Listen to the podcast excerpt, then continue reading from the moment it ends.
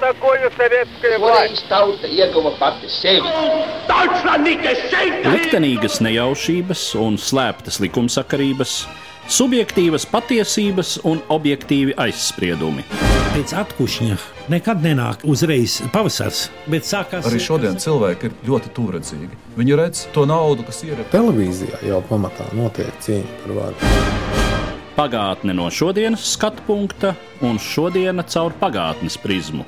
Raidījumā šīs dienas acīm. Katru svētdienu Latvijas radio eterā Eduards Liniņš. Labdien, cienījamie klausītāji! Vakar atzīmējām Latvijas valstiskuma 105. gada dienu. Kā zināms, vairāk nekā pusgadsimts no šiem 105 gadiem pagāja svešu okupācijas režīmu varā.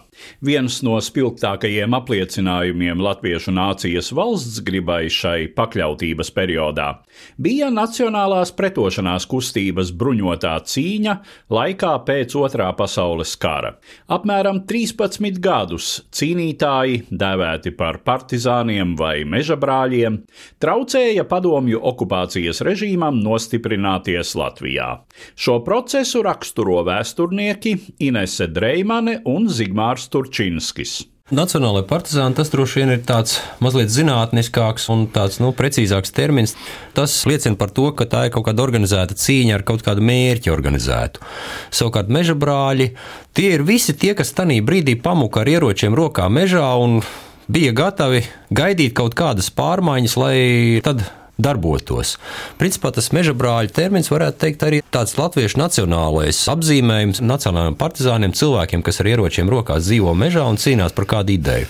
Radies šis apzīmējums ir 1905. gada revolūcijas laikā, kad parādījās pirmie šie kaujinieki, kas revolūcijas laikā cīnījās tolaik pret carisko Krieviju pret vācu mužniecību šeit, un kas arī ar ieročiem rokā pirmie slēpās šeit mežos, jo pirms tam iepriekš Latvijā gandrīz simts gadus nebija bijušas nekādas kara darbības un aktīvākas cīņas. Nu, cilvēkiem kaut kā vajadzēja šos cilvēkus nodēvēt. Tā tas ir radies kā tāds latviešu tāds vietējais apzīmējums partizāniem vai cilvēkiem ar ieročiem rokās, kas cīnās mežos. Tā kā piektā gada revolūcija vairāk bija izplatījusies kurzemē un vidzemē, to lai guberņās, tad kurzemē un vidzemē vairāk. Es esmu arī tagad attiecībā pret pēckara meža brāļiem dzirdējis, un cilvēki lietoja šo terminu meža brāļi. Tas ir vairāk kurzemē un vidzemē. Latgalē teica mežonieki vai partizāni. Latgalē tas termins ir saistīts ar atbrīvošanās cīņu, zaļo partizānu pulkiem. Jā, nu tur īstenībā tiešām varētu teikt, ka tur aizgāja šīs partizāna apzīmējums, jo Ziemeļlatgalē bija tas fenomens, kā Latgales partizānu pulks, kas izveidojās 19. gada vasarā un kurā apvienojās vietējie vīri turpat ap balviem viļaku un kur izveidoja šīs vienības, kuras vēlāk tika noformētas arī kā Latvijas armijas Latvijas partizānu pulks. Līdz ar to tur, principā, jā, šis termins partizāns bija viņiem raksturīgs. Savukārt, attiecībā uz cilvēkiem, kas varbūt tiešām vēlās tikai pārlaist kādu kritisku brīdi, izvairīties no mobilizācijas, tas sarkanajā armijā vai redzēt, kas tālāk notiks, bet ja viņi nekādās īsti reāli militārās, teiksim, partizānu cīņas darbībās neiesaistās, tad uz šiem cilvēkiem attiecina terminu nelegālists. Tātad tas ir kaut kādu īsāku vai ilgāku laiku nelegāli dzīvojošas personas, kuras, acīm redzot, nu, pie pirmās izdevības viņas vai nu izmanto iespēju legalizēties, vai nu arī vēlāk saprotot. Ka būs tomēr kaut kas jādara, un ka nekas labs nav gaidāms, viņi iesaistās tātad partizānu cīņās.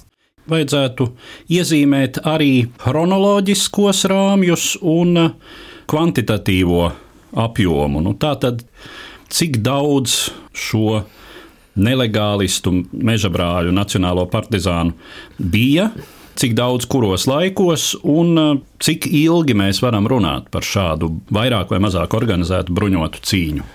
Principā šī cīņa sākas 44. gada augustā, pēc tam, kad Latvijas austrumu daļā Latvijā ienāk sarkanā armija, tiek izsludināta mobilizācija, un liela daļa no cilvēkiem, vīriem vienkārši pamūk uz visām pusēm, jo īsti nav jau tajā brīdī padomju varai, kas šo mobilizāciju varētu piespiest šos cilvēkus aiziet uz tiem sarkanā armijas iesaukšanas punktiem. Nu, viena liela daļa paliek vienkārši mājās, dzīvot savās nomaļākās vietās, citi pamūk uz mežiem kaut kur, Un tad līdz ar to sarkanie, lai dabūtu šos cilvēkus uz mobilizācijas punktiem, sūta pa apkārtējiem ciemiem, pa mājām, lasīt kopā šos vīrus.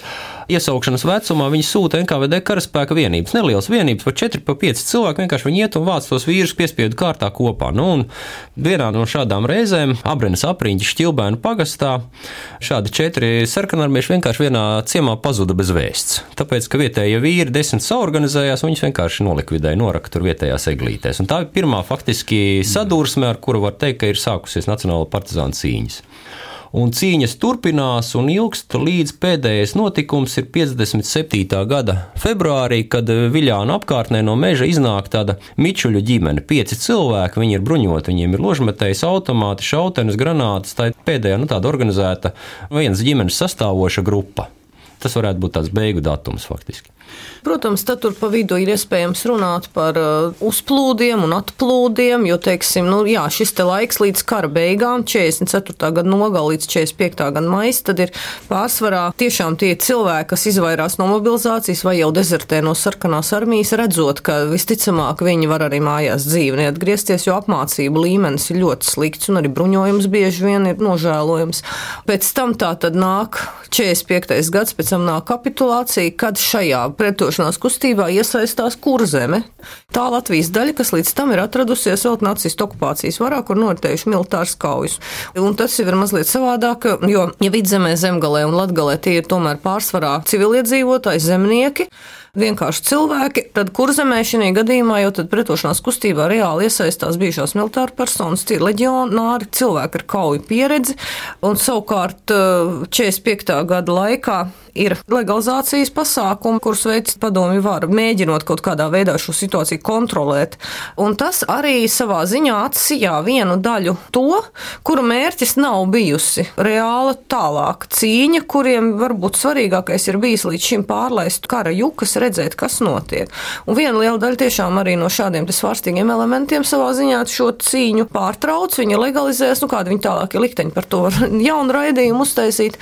Un tad tālāk jau es teiktu, ka no kāda 46. gada gandrīz jau vairs nevar runāt par to, ka tad būtu vienkārši kaut kāda mukšana un vienkārši lai paslēptos, jo tad cilvēki jau reāli redz, ka komunistiskā okupācija ir atgriezusies un iet tā lieta aizvien tikai plašāk un ka nekas labs nebūs un vienkārši pamukt un noslēpties bez pretošanās, bez reāla mērķa, tas ir bezjēdzīgi. Tikpat labi var vienkārši aiziet un pakārties uz to mēžu apjomi, daudzumi, cik tad šo cilvēku bija? Apjomu daudzumu vislabāk ir noskaidrot laikam pēc partizānu pretinieku, pēc padomju drošības dienas datiem un 56. gada Oktobrī LPSR KGB atskaitījās uz visām pusēm, ieskaitot arī šeit vietējai kompartijai, par to, ka cīņa ir beigusies, un e, viņi tur nosauc konkrētus ciparus, cik ir bijuši šie viņa pretinieki, kurus viņi ir nogalinājuši, legalizējuši, sagūstījuši, un skatoties kopā, tas cipars ir 13,5 tūkstoši apmēram cilvēku, no kuriem 2,5 tūkstoši ir gājuši bojā šai cīņā, Pārējie tur ap 5000 ir legalizēti, kuri attiecīgi pēc tam 49. gadā ir lielākā daļa deportēti, pārējie ir arestēti atkal. Tad apmēram 13,5 tūkstoši cilvēku. Vai mēs varam iezīmēt eh, kādus posmus šajā procesā starp 1944. un 1957. gadu? Pirmais posms noteikti ir tās aktīvās cīņas posms, kad ir pilni meži ar cilvēkiem, kad mežos ir ļoti daudz cilvēku, kad cīņas ir ļoti aktīvas. Tas ir no 44. gada rudens līdz apmēram 46. gada rudenim. Tas ir tas aktīvais cīņas posms, kad ir lielas grupas un abām pusēm ir lieli uzbrukumi čeka rīko un vispār padomju okupācija rīko mežu ķemmēšanas masveidā. 45. gada maijā ķemmē kurzemes mežus, pēc tam no 45. gada jūnija līdz augustam ķemmē Latgales un vidzemes austrumu puses mežus un rīko lielās operācijas pret partizāniem, kurās piedalās vairāki simti līdz pat pusotram tūkstotim karavīru. Šeit meža ķemēšanās, protams, piedalās tur ap 50 un vairāk tūkstoši meža ķemmētāji vienlaikus. Un no partizānu puses tās atkal organizējas lielākas grupas un veidojas partizānu organizācijas un ir organizētāki uzbrukumi. Piemēram, šīs partizānu cīņas laikā partizāni ir ieņēmuši vismaz 42 pagastu centrus. Tas ir tas laiks, kurš beidzas apmēram 46. gada rudenī, kad ir saprotams, ka nu, vairāk ilgāk ir grūti pavilkt lielām grupām mežos, un kad nekādas palīdzības no rietumiem tik drīz nebūs, tie aicinājumi iznākt no meža kļūst vilinošāki, un liela daļa legalizējas.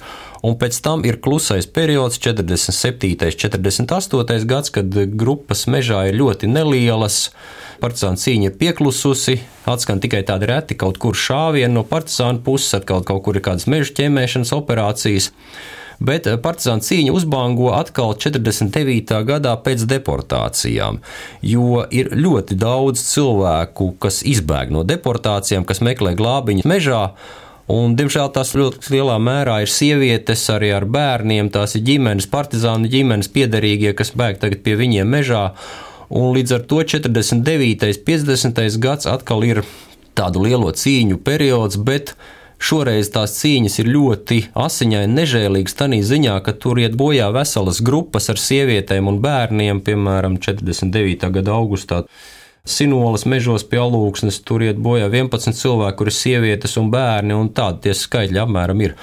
Un tas ir apmēram līdz 50. gada kaut kur vidum, un tad atkal sākas tas klusais periods, kad ir izdzīvojuši tikai nu, paši tādi motivētākie un spēcīgākie cīnītāji, kuri turpina pamazām ejot bojā, turpina turēties līdz tam 57. gadam.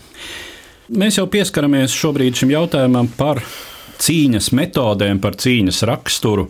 Kāds tas bija no vienas un no otras puses? Pirmkārt, protams, cilvēki iebēga mežā, jo nebija jau nekādas organizācijas vai speciālas kaut kādas pavēles, vai kas būtu iepriekš jau bijis izveidots, kaut kādas pagrīdes, kaut kādas. Nebija arī īsti pieredze. Nebija pieredze, nebija zināšana. No, no nulles, no pašiem savu, savu zināšanu. Sākot ar to, kā apzināt savus kaimiņus, kas vēl ir tūmā mežā, kas ir izbēdzis no mobilizācijas vai no āresta, un jāsaorganizējas, un tad jāizdomā, kurš tagad būs līderis, vadītājs, uzņemsies vadību grupas, un tad atkal meklē jau tālāk nākamās grupas.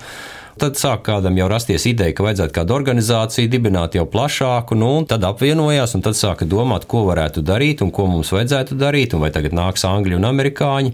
Bija, protams, līdz 45. Eh, gadā, no šobrīd liekas viņas tādas absurdas, smieklīgas idejas, piemēram, valkas pusē zeltiņos partizāniem ienāca prātā, ka tūlīt nāks angļi un amerikāņi, ka vajadzētu ieņemt zeltiņu centru, izrakt ierakumus apkārt un gaidīt angļus un amerikāņus, ka viņi tūlīt nāks jau. Viena daļa gaidīja, viena daļa organizējās. Tika šauti aktīvākie padomju varas pārstāvji, uzbrukumi pagastu centriem, kā jau es minēju, slēpņi un mēģinājumi atbrīvot arestētos kas arī, starp citu, ir bijuši diezgan daudz Latvijā šādi gan mēģinājumi atbrīvot, gan nepieļaut šos arestus. Jo arī no pretējās puses jau jebkura veida komunistiskā režīma aktivitātes arī sākās momentā, tikko arī jebkurā teritorijā ienāk sarkanā. Tai, protams, seko uzreiz arī padomju vāra un visas, teiksim, šīs te gan represīvās metodas, gan sovietizācija. Un tad arī var redzēt, kas no tuvāk apkārtnē dzīvojušiem, kas tā tad pieslienās šai padomju varai ļoti labprātīgi. Ir jau arī viena daļa cilvēku, kur, teiksim, piesakās tais pašos izstrabīķeļu vienībās, jo arī tos nemobilizē. Pie tam iedod uniformu. Jā, un, zinām, pārtiks statusu un pārtiku. Jā. Jā. Bet to mēs tad vēlāk arī redzam. Mums ir intervijas bijušas ar cilvēkiem, ka ģimenē viens brālis ir mežā, jo viņš ir aizlaidies no mobilizācijas, otrs brālis kādu laiku ir bijis šajā izstrabīķeļu vienībā. Vienkārši, nu, viņiem ir bijuši brīnišķīga sadarbība, vai ne? Te, kas bija mežā, tie zināja, kas notiek pagastā. Un vienlaikus arī, protams, ka nu, šim izstrabīķeļam neviens neskrēja virsū ar draudiem. Piemēram, bija ļoti daudz akcijas, kurās nebija, protams, tādā nozīmē rezultāts, ka nogalinātu kādu, bet bija ļoti daudz, īpaši 45. gada vasarā, kad partizāni vienkārši staigāja pa šīm izstrabīķeļu mājām, atņēma viņam to plīnti, iedeva nu, pa purnu, iekaustīja, piedraudēja. Bija pat uh, grupas, kas savāca 40 un vairāk šautenes, pēc tam nezināja, kur viņas likt salietas stobru un atdeva atpakaļ. Jo tā mežā būšana, šī partizāna cīņas mērķis un ideja jau, protams, nav uzbrukt, teiksim, kaut kādās frontālās kaujās, lielā cīņā, teiksim, nelegālos apstākļos bez atbalsta, un, nu, tiešām ienāk, nezinu, cēsīs Rīgā, Daugaupilī, nu, tādas, teiksim, pašnāvnieku vienības, tas jau nav partizāna cīņas mērķis, viņu idejas galvenais, un, un to, protams, saprat laika gaitā, kad sāk pamazām izgāzties šie lielo kauju cīņu uzbrukumu mēģinājumi. Maksimāli neļaut svešam režīmam justies komfortabli. Visu laiku tomēr rādīt, ka viss nav tik vienkārši. Mēs tepat vien esam, un nu, tomēr jums arī būs mazliet jāpieraujas. No pretējās puses bija ārkārtīgi daudz kriminālu noziegumu, teiksim, arī ārprātīgi daudz nežēlības, jo tā neuzvaramības apziņa, ierocis, saka, aiz manis ir lielā padomju dzimtene, laupīšanas, ka vienkārši mājā ienāk vakarā šādas, teiksim, vietējo izstrabīķeļu vienības vai sarkanie aktīvisti. Tad arī cilvēki tiek piekauti, viņiem bieži vien kaut kad tiek atņemts tas, kas viņiem ir, un viņiem ir nav kur iet un žēloties. 2021. gadā iznāca Zigmāra Turčinska darbs Ziemeļlatgales neatkarības vienība - pretošanās padomju okupācijai 1946. 1953. gadā. Sarunā par šo grāmatu autors atklāja dažas pētnieciskā darba nianses. Atmiņas ir ļoti laba lieta, bet atmiņas ir eh, kā ilustrācija, kā papildinājums. Pamats ir eh, dokumenti, krimināla lietas, arestēto partizānu, partizānu atbalstītāju, jauniešu pretošanās organizācijas dalībnieku krimināla lietas, un tad iet blakus avoti, kā atmiņas, kas jau konkretizē kādu situāciju, paskaidro kādu situāciju tuvāk. Jautājums par šiem saglabātajiem arhīvu dokumentiem. Tā ir padomju tiesvedība, pie tam vēl tas ir Staļina laiks. Tur nav objektīvas iztiesāšanas.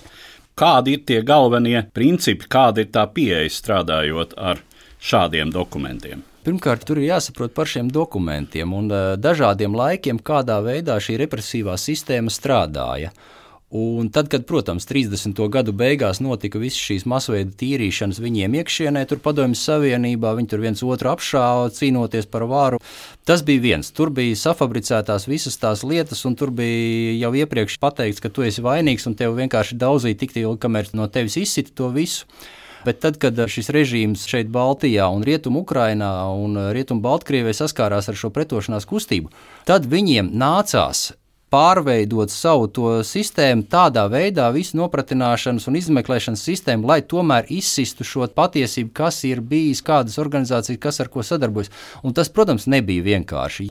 Arī Staļins vienā brīdī sāka domāt, ka pretošanās kustība nespēja apspiest un nespēja tikt ar viņu galā, acīm redzot, tāpēc, ka neprot izmeklēt uh, krimināla lietas. Un tāpēc tur bija vesels skandāls MGB Padomju drošības dienesta šefs rakstīja personīgi Staļinam milzīgi garu paskaidrojumu par to, ka nē, mēs redziet, cik rūpīgi izmeklējam tās lietas un kā mēs visu to skatāmies un kā mēs tagad meklējam un kā mēs atrodam šos te. Un tas bija garš, garš, garš paskaidrs. Tātad, acīm redzot, Staļins arī vienā brīdī domāja, ka viņi neprot izmeklēt, viņi vēl joprojām izmeklē tā, kā viņi to ir pieraduši. Un tā arī ik pa brīdim bija. Es arī saskāros ar vairākām krimināla lietām, kad jā, vienkārši ir arestēti pat komunisti un izstrēbīķeļi un visaktīvākie kolaboranti, un viņi tiek daudzīti, lai viņi atzītos, ka viņi ir pretošanās kustības dalībnieki, kaut gan viņi mūžā tādi nebija bijuši. Pat šādus aktīvos komunistus kolaborantus arī noturēja cietumā un daudzīja pa pusgadam, gadam, un tikai tad palaida vaļā. Tā ka visu laiku bija šādi faileri šai sistēmai. Bet kopumā viņi, protams, mācījās apspiest pretošanās kustību, mācījās iefiltrēt aģentūru, mācījās izmeklēt lietas, mācījās izspiest atzīšanos, un beigu beigās jau uz 50. gadu sākumu šīs krimināla lietas ir ļoti precīzi izmeklētas un izpētāmas, un tas materiāls ir milzīgs, liecinieku daudzums ir milzīgs, un lai arī, protams, viņā turpina būt uzstādījums jau iepriekš, ka tu esi bandīts un ka tu esi sadarbojies un tu esi gājis bandā, lai laupītu un slepkavot, bet var atlikt no to valodu un tad jā, iedziļinās šajās lietās un ilgāk viņās strādā un domā līdzi. Ļoti labi var pētīt un ļoti labi var atrast kopējo situāciju, kāda viņa bijusi. Un tad, ja pieliek vēl klāt atmiņas un cilvēku stāsts, tad veidojas ļoti sakarīgs kopainas stāsts. Kā ir ar lauka pētījumiem, vidē uz vietas vai Tu devies arī konkrēti uz tiem mežiem, uz tiem bunkuriem apmēram apskatīt tās iespējamās kauju vietas un tam līdzīgi. Es pat nevis tā aptuveni, bet es ļoti nopietni gāju gan pa tiem mežiem, gan gāju braucu tur, kad jāatrod kādu lietu, kur ir bijis kaut kas, kāda interesanta lieta, kaut kāda sadursme, kaut kāda nodevība, kaut kādas kaujas, kaut kāda aresti. Es braucu uz vietām un gāju pie cilvēkiem un runāju ar cilvēkiem, un bija unikāli, ko izdevās atrast. Piemēram, šī stāsta viena no centrālajām tādām eh, notikumu vietām ir Baltiņavas pagasta Kalvīnas ciems. Ciems faktiski jau nav toreiz bijuši 11 vairāk mājas, šobrīd ir apdzīvota viena māja, kur dzīvo viena tante. Bet viņa visu atcerās no bērnības. Viņai tajā laikā bijuši 12, 14 gadi, un viņa visu atcerās. Viņa zina visus tos cilvēkus apkārt, viņa redzējusi visus tos notikumus, un viņa pēkšņi runā un stāsta, jo viņai uzdod to, ko viņai neviens nekad mūžā nav pajautājis. Tā bija fantastiska saruna. Un tāpat arī bija vēl joprojām dzīvi cilvēki, arī no otras puses. Jā, tur ir tie stāsti, kur brālēns apšāva brālēnam ģimeni, tāpēc, ka no okupācijas laikā izveidojās ārprātīgs savstarpējs naids. Un man izdevās arī ar viņu aprunāties, kā tas ir bijis, kā brālēns nāca iekšā šaut viņus visus nost. Izdevās šo cilvēku sameklēt, izdevās caur cilvēku, kuram viņš uzticās, aizbraukt pie viņa sarunāties, un viņš izstāstīja to visu. Atkal ārprātīgi fantastisks stāsts. Un vēl šo meklējumu laikā es arī atradu kapa vietu, kurā bija apglabāti divi bojā gājušie partizāni, kas bija vienās mājās no nodevības dēļ ievilināti, slēpni un nogalināti. Braucot apkārt un runājot ar cilvēkiem, beig beigās tā arī izdevās iebraukt vienās mājās, un cilvēks saka, ka jā, tas sarunas sākums bija ļoti interesants, ka nu, es esmu vēsturnieks no Rīgas un tā. Un, A, tu esi čils vēl atgalīts. es saku, čils. Tā es tev nekā neteikšu. Neko neteikšu. Neko neteikšu. Es nestāstīšu, kas ir manā mežā apraksts, bet var redzēt, ka viņam šausmīgi gribās to izstāstīt. un beigās viņš aizveda, jā. Un tā mēs atradām to partizānu kapa vietu, kur čekis viņus bija slepeni apglabājuši. Un viņš, protams, nezināja īsti, kas tur bija, jo viņš to mežu bija nopircis no tā īpašnieka, un tas īpašnieks bija tas, kas bija nodevis tos partizānus tas īpašnieks to mežu, tad, kad viņš bija pārdevis, viņš bija parādījis to vietu un bija teicis, te tu neko neroc un neizposti meža darbos. Nu, tur varēja redzēt, ja tā ieskatījās sūnās, tāds mazs, mazs uzkalniņš, tāds nu, 20 centimetri mazliet augstāks, kantains paaugstinājums, kas varēja liecināt, ka tur ir kapa vieta. Nu, jā, tiešām ekshumācijas laikā izdevās atrast abus bojāgājušos. Un arī noskaidrot uh, viņu vārdus. identitātes. Protams, jo tas stāsts bija jau noskaidrojies, kāds ir. Vienkārši tas bija fantastiski, ka izdevās arī viņus atrast pašus. Savukārt 2022. gadā dienas gaismu ieraudzīja cits Nacionālo partizānu cīņai veltīts darbs - Haralda Bruņinieka nāvi mānot. Pētījums par partizānu kustību Sēlijā no 1944. līdz 1952. gadam. Turpinājumā fragments no sarunas ar grāmatas autoru. Vēsture man ir saistījusi jau no skolas laikiem. Esmu aknīstietis, esmu mācījies Aknīs vidusskolā, esmu to absolvējis.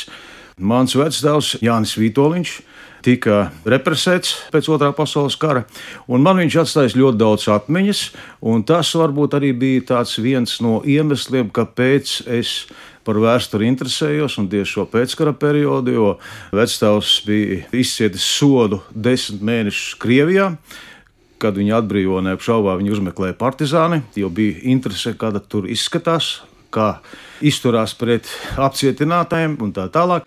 Tas arī bija tas iemesls, kas mani mudināja iztaujāt savu vecāku. Es saņēmu ļoti daudz stāstījumu par šo periodu, un, protams, arī tikšanos ar meža brāļiem. Es 20 gadu garumā biju uzkrājis avots un eh, vēlējos visu sistematizēt un tāpēc vēlējos uzrakstīt grāmatu. Tāpēc eh, es iestājos Dārgoblas Universitātē. Es esmu ieguvusi maģistra grādu un turpinu arī studēt doktorantūrā. Mana pētījuma tēma tomēr ir ne tik daudz šīs struktūras pētīšana, bet eh, es vēlējos vairāk uzzināt tieši cilvēka rīcību, izvēli, domāšanu, un man bija nepieciešams iedziļināties vairāk tādos psiholoģiskos faktoros, lai saprastu viņu izvēles. Mēs nevaram pateikt, ka šīs izvēles bija teikt, vienādas. Varu pateikt tikai to, ka arī pētot Zigmāra Turčīnska darbu, mums ļoti daudz procentuāli saskanēja šīs proporcijas. Vācu okupācijas orgānos varas struktūrās dienēja vismaz 40%. Tur Šķinskam tas pats bija. Viņa izvēle neapšaubā bija viennozīmīgi atrasties mežā. Šī kategorija arī visilgāk praktiski turējās un pretojās okupācijas varai. Nu, otrā kategorija kategorija neapšaubām bija tie, kas negribēja dienēt sarkanajā armijā, kuriem brāļi bija varbūt pretējā pusē mobilizēti. Man jau zinot tos vispārējos vēstures notikumus, un atkal velkot paralēlis ar um, Zigmāra Turčinska pētījumiem, runājot par Ziemeļu Latgali, nu tur ir šī nacionālo partizānu tradīcija jau kopš neatkarības kara laikiem. Un par sēlī mēs varam teikt to pašu. Arī sēlī neatkarības kara laikā bija partizānu novads, kuru faktiski atbrīvoja zaļā armija, kā to toreiz sauca. Jā, pilnīgi pareizi. Un tieši tas arī iemesls noteikti arī bija šai cerībai, ka notiks līdzīgi, kā tas bija tieši ar Latvijas neatkarības karu. Zīmīgi, ka Nacionālā partizāna simboli to raksturo, jo, piemēram, Valdemārs Tuņķels, dodoties Nacionālā partizānu sastāvā, līdzi ņēma savu neatkarības kara apliecību, karaklausības apliecību. Kāda jums veidojās šīs cīņas aina? Kādas tad bija tās praktiskās metodes, kuras Nacionālajie partizāni īstenoja? Metodes bija neapšaubām vardarbīgas. Jāsaprot, ka pret okupācijas varas struktūrām, pret amatpersonām pēc Latvijas Tēvijas sargu apvienības nodibināšanas nāca rīkojumi, nāca pavēles, un Nacionāla partizāni ar pilnu atbildību rīkojās ar kara laika metodēm. Kolaborācija bija mūsu tautas, varētu teikt, lielākā nelaime, jo Latvijas valsts nebija gatavojusies partizānu karam, mums nebija paredzēti modeļi, kā mēs varam pārdzīvot šo periodu. Līdz ar to, protams, bija asinis, nežēlība, diemžēl. Pret ko tad primāri vērsās partizānu uzbrukumi? Bija pirmkārt uzbrukumi pret varas orgāniem, pret saimnieciskiem objektiem, pret kolaborantiem, pret civilpersonām. Tās bija trīs kategorijas, kuras faktiski Nacionālajā partizānī apkaroja. Kas Nacionālo partizānu skatījumā bija kolaboranti? Ko viņi uzskatīja par teiksim, leģitīmu uzbrukuma mērķi? Jo te nu jāsaka, ka joprojām pateicoties dažiem arī daļliteratūras sacerējumiem sabiedrībā, jo cirkulē priekšstati par to, ka par upuri varēja krist pamatskolas skolotāja, tāpēc, ka Staļina bilde ir klasē pie sienas, pastniece, kura ved somā avīzes ar Staļina bildi un tam līdzīgi. Jā, redziet, tas jautājums, protams, ir sarežģīts, un es arī nesaku, ka Nacionālajā partizānu karā nebija kļūdas. Nebija arī viss kārtībā ar šo disciplīnu, jo, redziet, visa lielākā cīņa bija pašu vienību rokās. Faktiski augstākās vadības nebija. Bet, ja mēs runājam par šo kolaborāciju, tad tas jēdziens ir diezgan sarežģīts un izplūdis. Bet partizāna izpratnē neapšaubām bez augstākās vadības, bez tādas sapratnes par Ženēvas konvencijām un tā tālāk, rīkojās pēc saviem ieskatiem. Tas cilvēks, kas viņuprāt bija bīstams viņu atbalstītājiem, viņu pašu drošībai. Neapšaubām viņi piekopā vardarbīgas metodes un biežāk vien arī likvidāciju. Kāda bija attieksme piemēram pret kolhozu priekšsēdētājiem? Viņi tomēr partizānu skatījumā bija šīs okupācijas varas, gal galā viņi arī bija. Tur ne tikai partizānu skatījumā, viņi bija okupācijas varas amatpersonas. Viņi savāca nodevas, pieprasīja no zemniekiem arī represijas. Un uh, Nacionāla partizāna neapšaubāmi apkaroja arī šīs kategorijas personas. Tā vispār ir tāda ļoti plaša un joprojām kutelīga tēma, kas arī, starp citu, Zigmāra Turčinska darbā parādās, jo sevišķi, ka joprojām arī mūsdienu sabiedrībā pastāv tie ekstrēmie uzskati par to, kas ir nacionālie partizāni, kā uz viņiem lūkoties, un faktiski līdzās tur tai pašā sabiedrībā pastāv viedoklis, ka svēti cīnītāji par Latvijas brīvību, un turpat līdzās bandīti, slepkavas, kuri teju sava prieka pēc varēja nogalināt vai slepkavoja veselām ģimenēm par, teiksim, ģimenes galvas nodarījumiem un tam līdzīgi. Jā, redziet, es domāju, ka šī problēma arī ir saglabājusies mūsdienās. Viņa nav pazudusi, jo bieži vien nogalinot padomu okupācijas varas pārstāvjus, to tuvinieku otrajā, pat trešajā paudzē, viņus uzskata par bandītiem. Tā pašā laikā otrā puse, kur ir cietusi no padomju okupācijas varas, palīdzību meklēt bieži vien pie nacionālajiem partizāniem, lai varētu paglābt ģimenes, tieši no represijām. Un es domāju, ka šis viedoklis var traucēt mūsu kā nācijas vienotas identitātes izpratnē, jā. diemžēl arī līdz šai dienai. Līdz ar to izskan mūsu šodienas raidījums, kas bija veltīts Nacionālo partizānu cīņai pret padomju okupācijas režīmu. Dzirdējāt vēsturniekus Inesi Dreimani, Zigmāru Turčinski un Haraldu Bruņinieku. Uz redzēšanos, cienījamie klausītāji! Katru svētdienu Latvijas radio viens par pagātni sarunājas Eduards Liniņš.